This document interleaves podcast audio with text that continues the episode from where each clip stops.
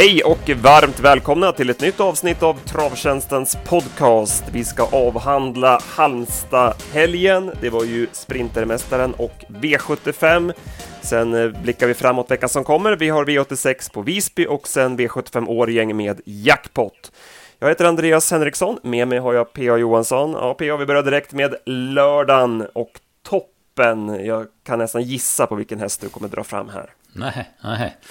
Nej, det var väl rätt så givet. Det var ju en häst som överglänste allt. Det var ju Unox Due Knafa i första avdelningen. Ruskigt fin modell och eh, ruggig prestation. Ja, men 11-8 gick han och han såg ju, han såg ju okörd ut alltså. Ja, men visst. Och när han liksom joggar till ledningen, han tar han liksom lite på safety i första kurvan och bara glider till spets. Då öppnar han alltså 8 och 4 första 500. Och det ser ut att gå i 12-13 fart. Vilket jäkla driv det är i hästen.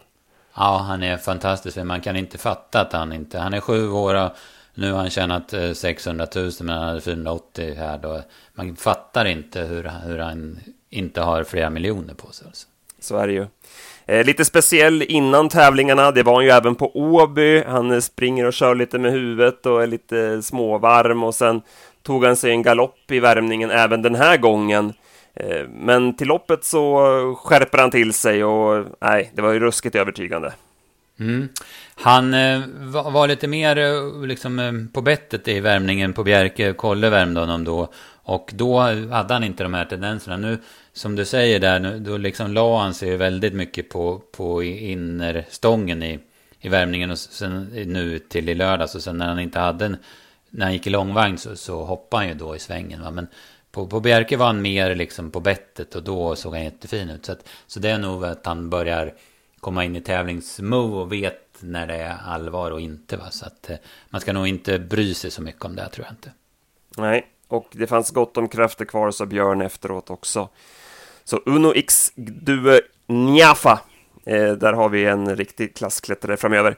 Eh, vi måste lyfta fram Johan Svenssons jobb med Farlanderam. Han är ju tvåa från ryggledaren. Eh, tog tre raka segrar före det. Han har gjort ett kanonjobb med den här hästen. Ja, det var ju ingen eh, enkel häst i början av karriären. Han eh, började lovande, sen var det mycket strul med honom. Men eh, nu är han, han öppnar väldigt bra. Han var ju med och svarar ju ut. Eftersom Björns inte travar perfekt så vill han ju i alla fall chansa lite runt första sväng. Sen släppte han, sen var han ju trött Fallander Ramos, såg ju inte ut att bli tvåa, men han kämpar ju verkligen. Så att jag håller med dig, kanonjobb och en riktigt bra prestation. Vi måste också passa på att lyfta fram banarbetena. Det gör vi varje gång när vi är i Halmstad. Men det regnade hela dagen, ändå fick de till en kanonfin bana utifrån förutsättningarna. Det är bara att lyfta på hatten.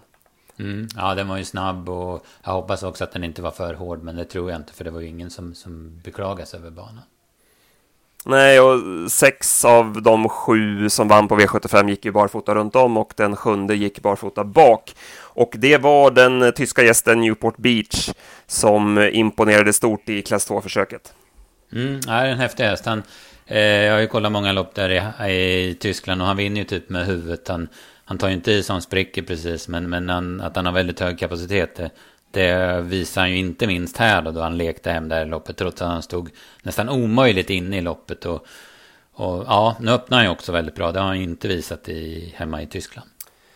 Vi var ju inne på att Arvid SO skulle ta ledningen och eh, så blev det. Han höll ut Matteo och eh, Olsson vill inte släppa till den. Sen tar ju Ingves ett tidigt eh, initiativ. Han går på efter 500 meter, lämnar andra par utvändigt. Eh, han var ju inne på att han skulle köra fram i dödens då, sa han ju i en segerintervju efter loppet, men blev väl själv lite överraskad att han släpptes till ledningen.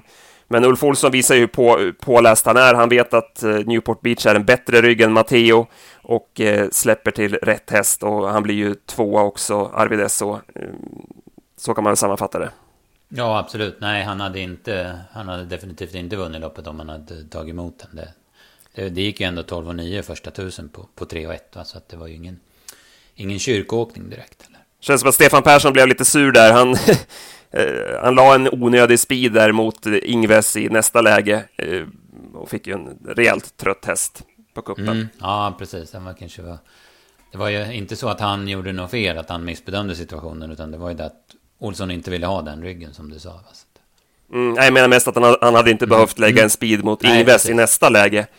Nej, precis. Han behövde ju inte vara sur på vare sig själv, sig själv eller liksom någon annan, utan det var ju en situation som blev i loppet. Mm.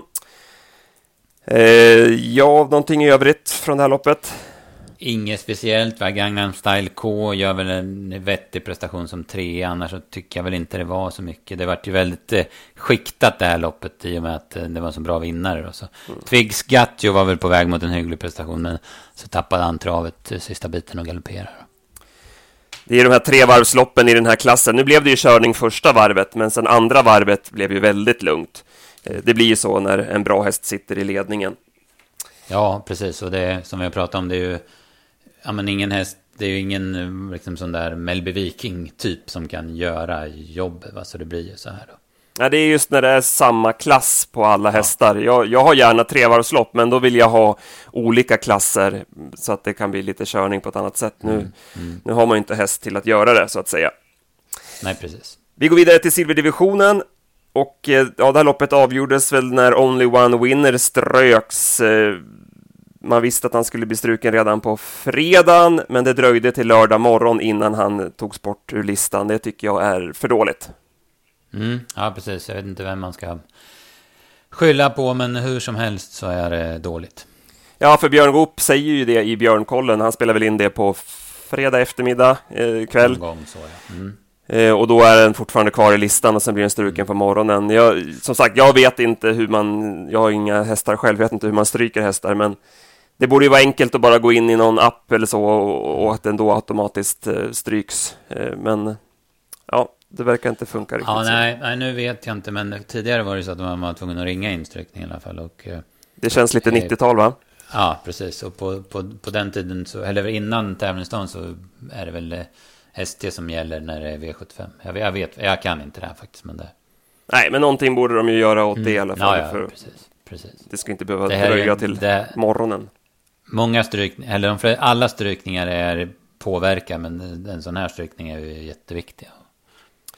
Så nu blev det Gustafsson smidigt till ledningen, visserligen 8 tempo första 500 och 10,5 på varvet, så det gick ju i bra fart, men ja, han fick ändå loppet dit han ville, Rick Ebbinge. Mm, ja, precis. Jag tror han var ganska nöjd, även om det var bra tid på klockan då. Och, eh, det är en stor och rejäl häst som har väldigt lätt för sig och håller farten väldigt bra, så att han var han var ju sedan aldrig i förlustfara, även om Sevilla sköt till väldigt bra sista, vad ska vi säga, 75. Bernardo Grosso, satt, Grasso satt ju och tittade utåt där i tredje invändigt första 500. Det såg ut som att han var sugen på att ta dödens, men han valde att sitta kvar. Tror att han hade kunnat vinna om han hade valt utvändigt där? Nej, jag är tveksam. Det, det, jag kan inte säga det, men jag, jag är tveksam om, om man är så tuff. För Gustafsson är ändå dryg att ta sig förbi. Mm. Det blev småhårt i mål ändå eftersom Gustafsson stannade till den sista biten och mm. Sevilla mm. sköt till bra. Besvikelsen var... var väl eh, Sekinodoro FKS va? Ja, absolut. Även om man får dödens i hårt tempo så, så var han ju slagen på, på bortre långsidan. Så att, eh, det var det Jag tänkte på Sevilla där. Han, det var nog lite problem att få ut den. Och sen samtidigt så var ju Olsson var ju som en speedwayförare framför där. Han använde ju alla spår på upploppet. Så han var ju nästan omöjlig att passera. Så Bernardo Grasso var ju tvungen att gå ut i två spår och det var inte Sevilla riktigt med på. Så att det var ju först typ 75 kvar som man fick ut den i fritt spår och kunde köra på honom. Så att, eh, annars så, ja, annars kan det ha gått, men jag vet inte. Vad säger du om Man at Works galopp då? Han gick ju med i attack där 700 kvar, då såg det ju bra ut åt honom med tanke på att det hade varit så högt tempo. Eh, men han galopperade 200 meter från mål. Hur såg du på det? Mm, nej, jag tyckte det såg ut som att han inte hade stilen med sig riktigt. Och sen så, så gick han väl i jänkarvagn och då är det ju svårare att, att rädda han ut i spåren ändå. Så, att, eh, mm. så jag tror att, eh, nej, han travade inte riktigt. Jag gillade intrycket på Island Life. Han eh, satt ju hopplöst till, men sköt till bra den sista biten. Det känns som att han är på gång igen. Eh, ska ut på lördag igen. Jag har inte kollat det loppet någonting än, men ja, man kanske ska passa upp lite för honom för att han verkar vara i bra form. Ja, precis. Och han är ju alltid eh, aktuell när han har sina lägen så att säga. Så han får ett lopp i främre träffen. Kanske inte alltid att han duger att vinna från spets på, på i silver, men, men eh, han får ett lopp där framme i alla fall. Han har ju väldigt bra läge på, på lördag med eh, Sportredo bakom bilen i Årjäng. Vi går till Vången Cup-finalen. och eh, det blev eh, Kevin Oskarsson som satte dit Bring Me Money. Vi hade bra skrällfeeling för henne och hade henne högt i ranken.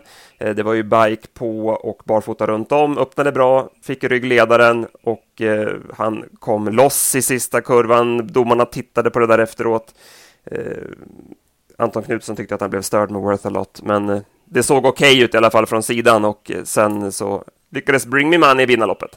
Mm, ja, precis. Jag tror att man friade helt också, att han inte fick någon bestraffning alls. Så, att, så det var nog marginal, även om det är såklart är tajt i, i sådana här situationer. Nej, hon var jätteduktig, Bring Me Money. Lite oflyt för Princess Kloster som gör ett jättebra lopp i spets. Och har väl segern på gaffeln när hon... Det såg ut som hon...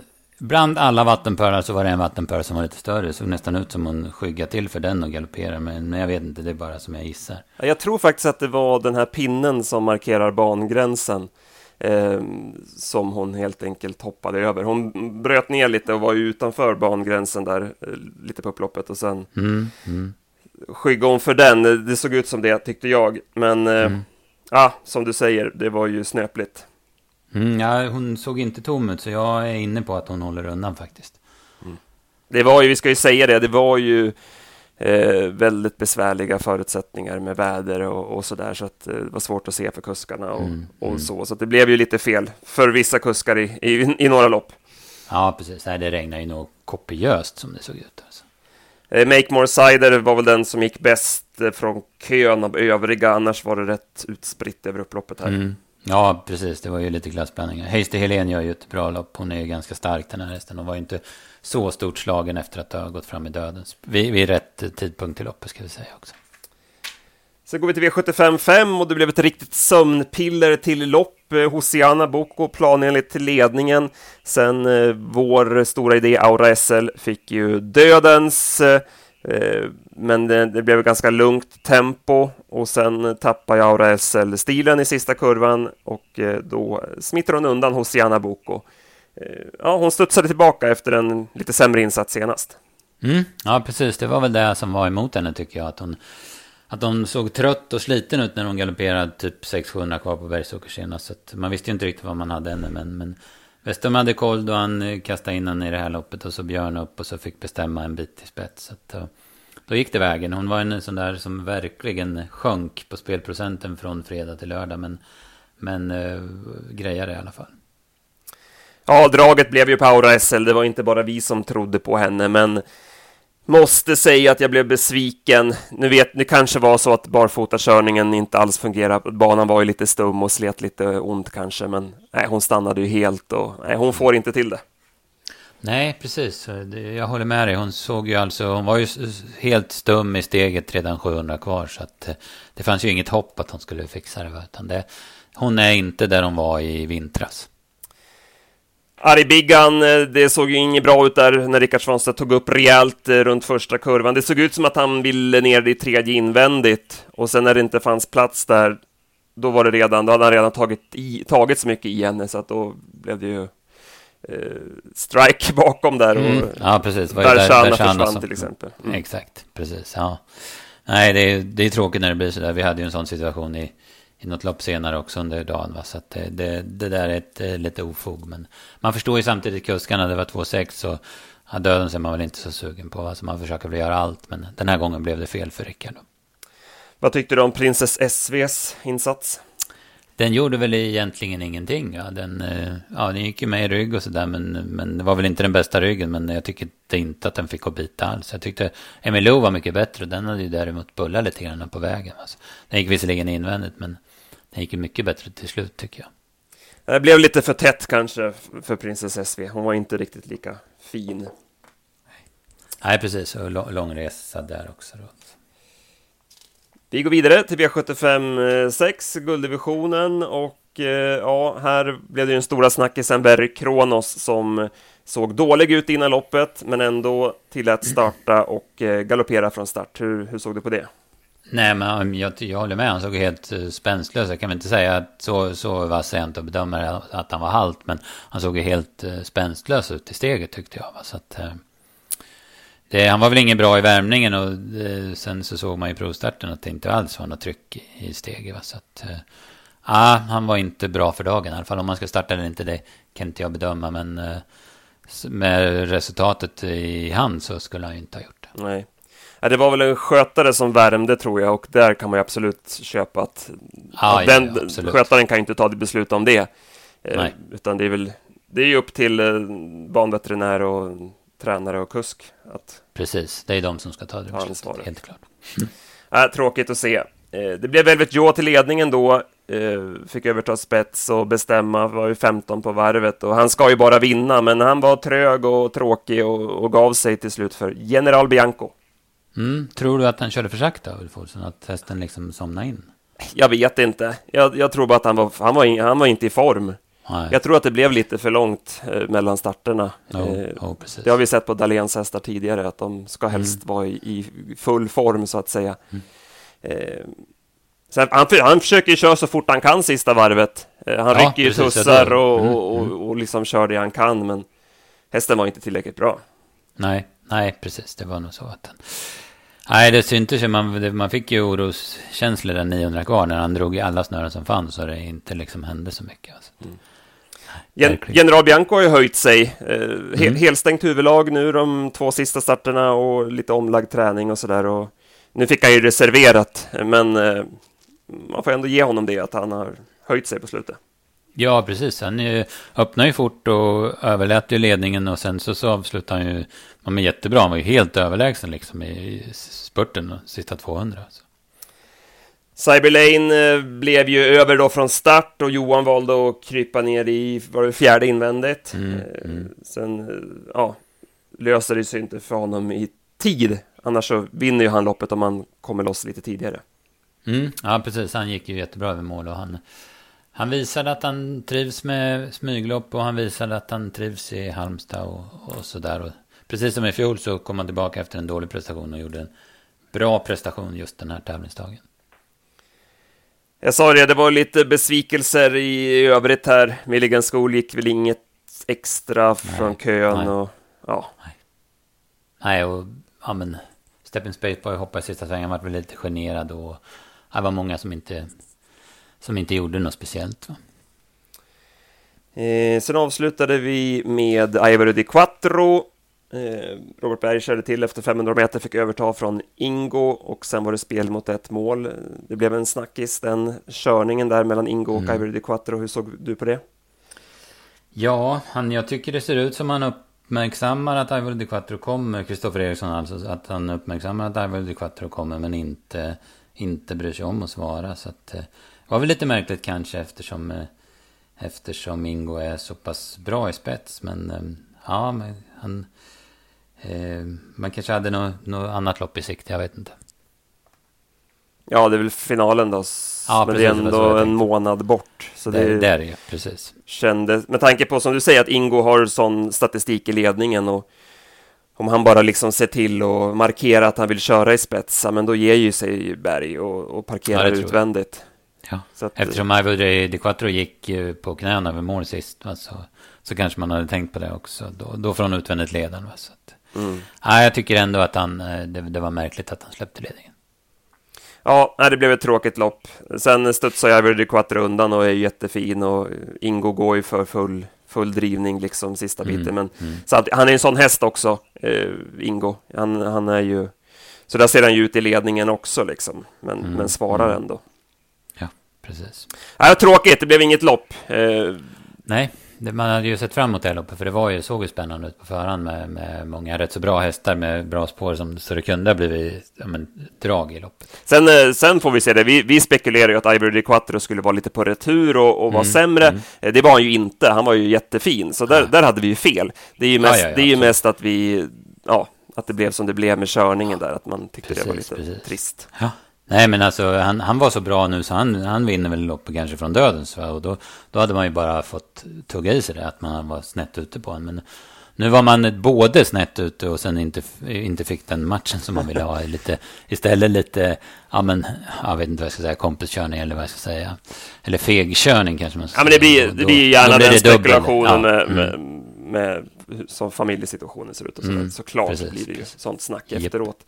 Ja. Eh, Sio Tom Jett hade vi ju skrällfeeling för och han såg fortsatt bra ut. Han körde inte en meter Johan och jag tycker man ska fortsätta passa den. Han kanske kan komma mm. ut i något dagens dubbellopp eh, mm. lik, eller liknande här framöver så mm, mm. kan man nog ta honom. Ja men absolut, han har ju hade ju dåligt läge nu och som du säger kördes passivt men han såg jättefin ut, jag håller med. Lord Flax var ju också, gjorde ju också ett jättebra lopp. Alltså, det är ändå, även hur mycket man än har tränat så är det ju tufft att gå ut i, i bronsdivisionen efter, ja men vad blir det, nio månaders frånvaro och göra den här prestationen. Det är ändå, det är bra hästar som gör det. Mm. Eh, Royal Navy Neo hade ju inte startat sedan augusti, fick ju blytungt lopp och eh, föll ju som ett sänke genom fältet. Du har ju varit inne på det här i podden tidigare med mm, hästar som startar på V75 som har varit borta så här länge. Det är ju, nej, det är ju inte bra alltså. Det blir ju ren gissningslek faktiskt.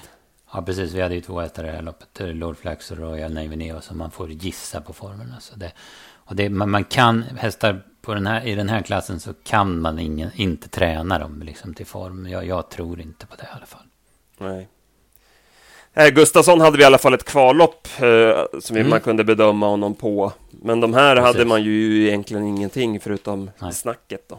Nej, nej precis. Nej, det är tråkigt. Det är, det, det är nog, nog mycket faktorer att ta hänsyn till ändå. Så, så kommer ut två hästar som man måste gissa på också. Dessutom. Alltså. Ja, så var det.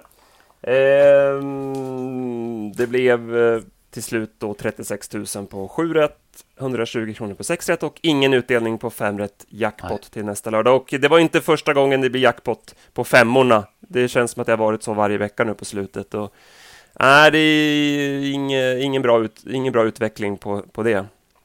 Nej, precis. Man vill ju ha alltså, man vill ju ha potentialerna. Det måste ju kunna, man måste kunna se att det går att vinna typ 500 000 på V7. Alltså det här, det här blir för, för tråkigt i längden. Även om det pumpas upp då med jackpot. Och omsättningarna är ju jättebra. Det, det kan vi ju inte sticka under stolen med. Men jag tycker det känns lite tråkigt som spelare. Och, ja, men som en sån där gång som förra gången på Bergsåker. Den kanske man bara skulle ha skitit i. För det fanns ju ingen potential i det. Med kallbloden där och några stor, jättestora favoriter och sådär. Nej. Nej, det är som sagt, det måste göras någonting åt det här. Det har vi varit inne på tidigare. Mm. Eh, man skulle gärna se att man eh, skrev om propparna, att man vågar ta lite andra grepp. Eh, vi minns ju V75 Champions på Solvalla förra året. Anders Malmroth skrev om propparna där och det var ju 15 hästar i varje lopp, snudd på. Det var flerklasslopp, det var storlopp, det var lärlingslopp, nordiskt lopp när Stona kan få 20 meters tillägg till exempel. Eller 20 meters försprång mot, ja, mot hingstarna det finns ju saker att göra. Ja, precis. De, de vanliga V75-omgångarna så ligger propparna klara. Det är ju mallat. Alltså det ska vara så här, det ska vara så här och det ska vara så här och så vidare. Och de är ju typ klara hel, hela 2020 ut. Och till den här gången då fick man ju lyfta bort stoeliten. För det blev sex anmälda och sen en struken. Och så fick man lyfta bort det där fina femhundraloppet. Där Campo Bahia och Forfantona möttes bland annat då. Men det var bara sju på, på listan. Så så körde man med andra lopp, men det vart så här i alla fall. Och jag tror att man måste nog tänka om lite grann. Vill man ha V75 som ett st storutdelningsspel så att säga, då måste man nog tänka om med propparna. För att det, det börjar på att bli färre och färre hästar, såklart eftersom det föds färre och färre hästar. Och då, då är väl de, de bästa hästarna sticker ut, liksom. Eller de blir mer och mer överlägsna i och med att bredden försvinner. Så, så då blir det ja, lättare och lättare. Mm. Ja, jag skulle gärna se det här med att guldhästar ska hämta 20 meter på bronshästar. Eh, man skulle kunna köra lärlingar mot proffs där man kan lotta proffsen på de dåliga spåren. Alltså, det går ju att tänka utanför boxen och hitta mm. på andra grejer än, mm. än vad det är idag. Absolut, och man måste göra det. Samtidigt så, jag tog upp det här med Claes Broberg som tillträder nu på, på den här tjänsten som proppskrivare på ST efter Mattias Stenby. Eh, men han sa det att han hade ju inte liksom all fakta på bordet som nytillträdd. Men han sa det att det, det är nog så också att tränare drar sig för att anmäla i ännu större utsträckning när det inte är de vanliga divisionsloppen och så vidare. Det här med, ja men jag har ju också sagt varför, varför som de här 3 och 1 loppen i klass 1 till exempel som är hur tråkiga som helst att titta på. Varför kör ni sådana? Sa jag exempelvis. Varför kör ni inte klass eh, 2 mot brons till, till exempel. Men då sa han det att det har man ju provat och då, det lockar ingen. Va? Så att det, där, det är ju en jäkla balansgång att gå också och hitta rätt. Men, men jag håller med att, och jag säger, skriver under på absolut att man måste göra någonting. Va? Mm. Nej, och sen har vi ju även eh, möjligheten här med att höja radpriset. Det har ju varit 50 öre i många år nu. Att man skulle kunna höja det till en krona och sen eh, göra lite större skillnad på första och andra pris i loppen för att få lite mer tävling. Det finns ju saker det, att göra. Det, det, skulle man ju definitivt kunna prova med och samtidigt så kunde man väl införa spel för sju rätt igen. Men då, då har man ju det här jackpot-problemen att det kommer system som försöker köpa omgångarna när det blir jackpot. Ja, det är precis. Det är risk att man tappar småspelarna då, mm, eh, mm. såklart. Men ja. absolut skulle man gärna se det. Ja, nog om det. Eh, vi, vi löser det inte va, just nu? Nej, vi har inget facit, men vi skulle gärna se att man, att man i alla fall jobbar på det. Absolut, så är det. Eh, sportsligt i övrigt, eh, vi fick ju njuta av Don Fanucci set i torsdags. Han var i en klass för sig i Sprintermästaren. Det är väl så här att man börjar att inse att hur, vilken enorm talang det är, vilken enormt bra häst det är nu. Va? Han ser ju helt, jag menar, han ser ju sjukt bra ut hästen. Mm. Ja, det är otroligt alltså. Det är... Eh, de där nio gångerna man skulle ha på honom i kungapokalen där, det, de svider ännu mer för varje, ja. för varje lopp han gör. Ja, precis. Och jag, och jag kommer ihåg när han gjorde årsdebut i Örebro i, när var det, eh, slutet på mars. Och stod 20 före eh, Åkes där som jag inte just nu kommer på vad den heter. Men jag var övertygad om att Åkes skulle plocka 20 på honom. Det inser man ju nu vilken jäkla tomte man var då. ja, och sen eh, Redén var ju med, eller han smsade väl in till Skoglund i studion där inför Romme. Det var väl en söndag när de gick igenom derby, tidiga derbyhästar. Ni har glömt Don Fanucci sett och det, mm. det, var alltså i början av april då innan den starten på Romme. Precis, precis. Man kan lugnt säga att Redén har klart för sig. Ja, precis. Och Örjan sa ju faktiskt efter segern i Sprintermästaren nu att det var ju då den där V75-segern på Rom i påskas där han, där han började inse vilken, vilken bra häst det är. Mm. Ja, är otroligt häftig, eh, häftig häst, eh, verkligen.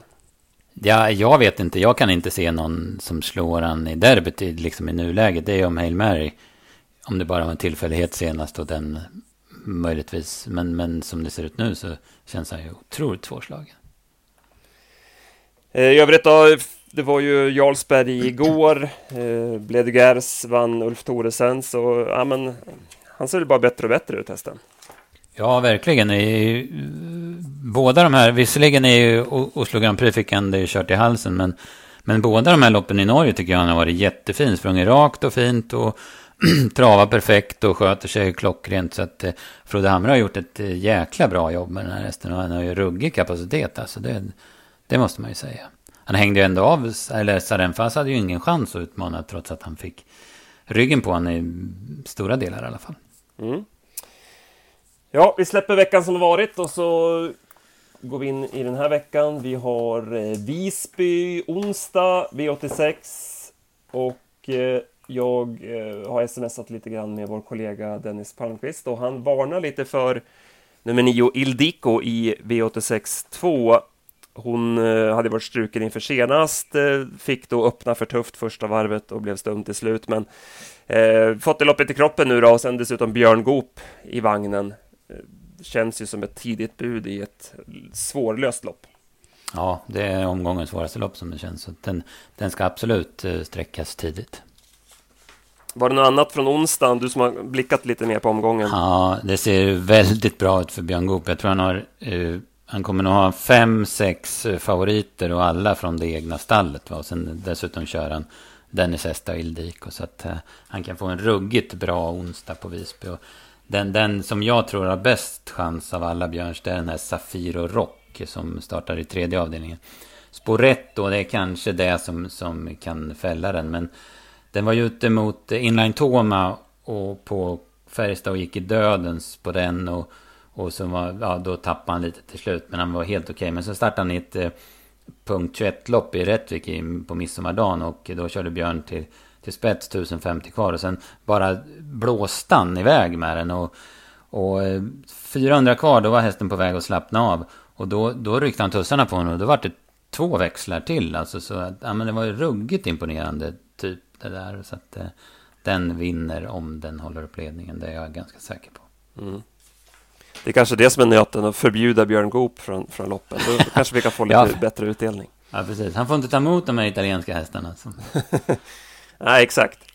Ja, nej, vi får... Eh, och sen hade vi avslutningen där med sorgebarnet Inti Boko som börjar bli dyr nu. Han mm. Eh, galopperade igen senast. Vad, vad ska man våga tro om honom? Nej, precis. Man kan ju inte tro någonting. Möter Yes Mickey som är en snackhäst som... Eh, just det, just det. Gör första starten för Robert Berg.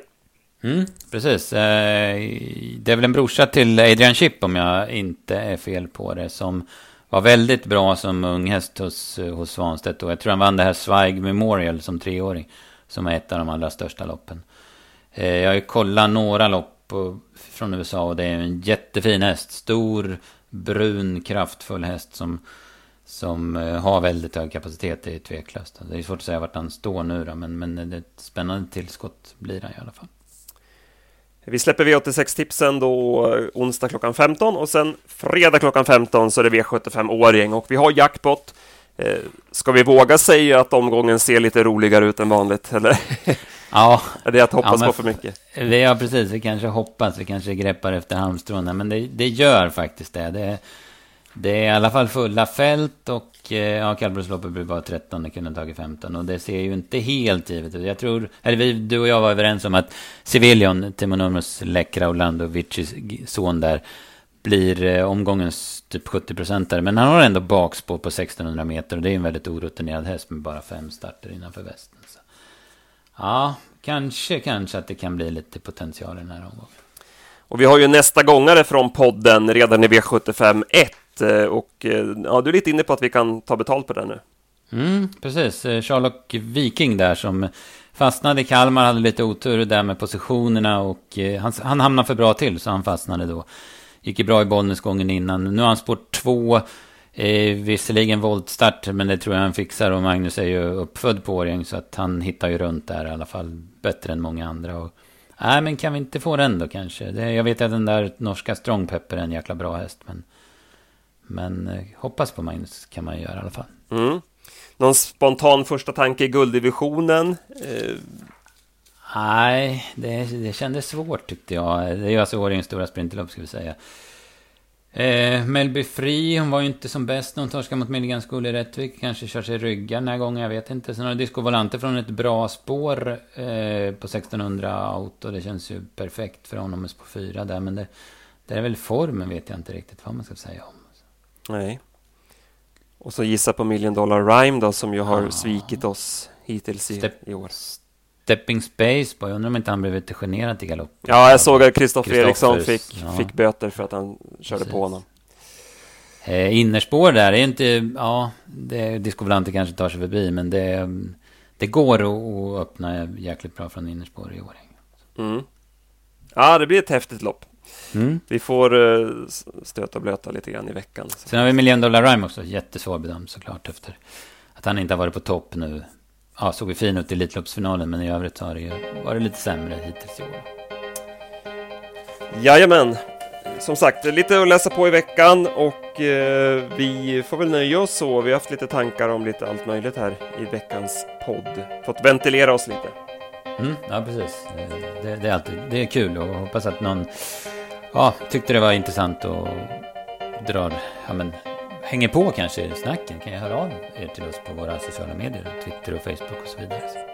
Mm. Bra, tack för idag och tack till er som lyssnar. Ha en fortsatt trevlig sommar så hörs vi igen nästa vecka. Hej hej! Hej hej!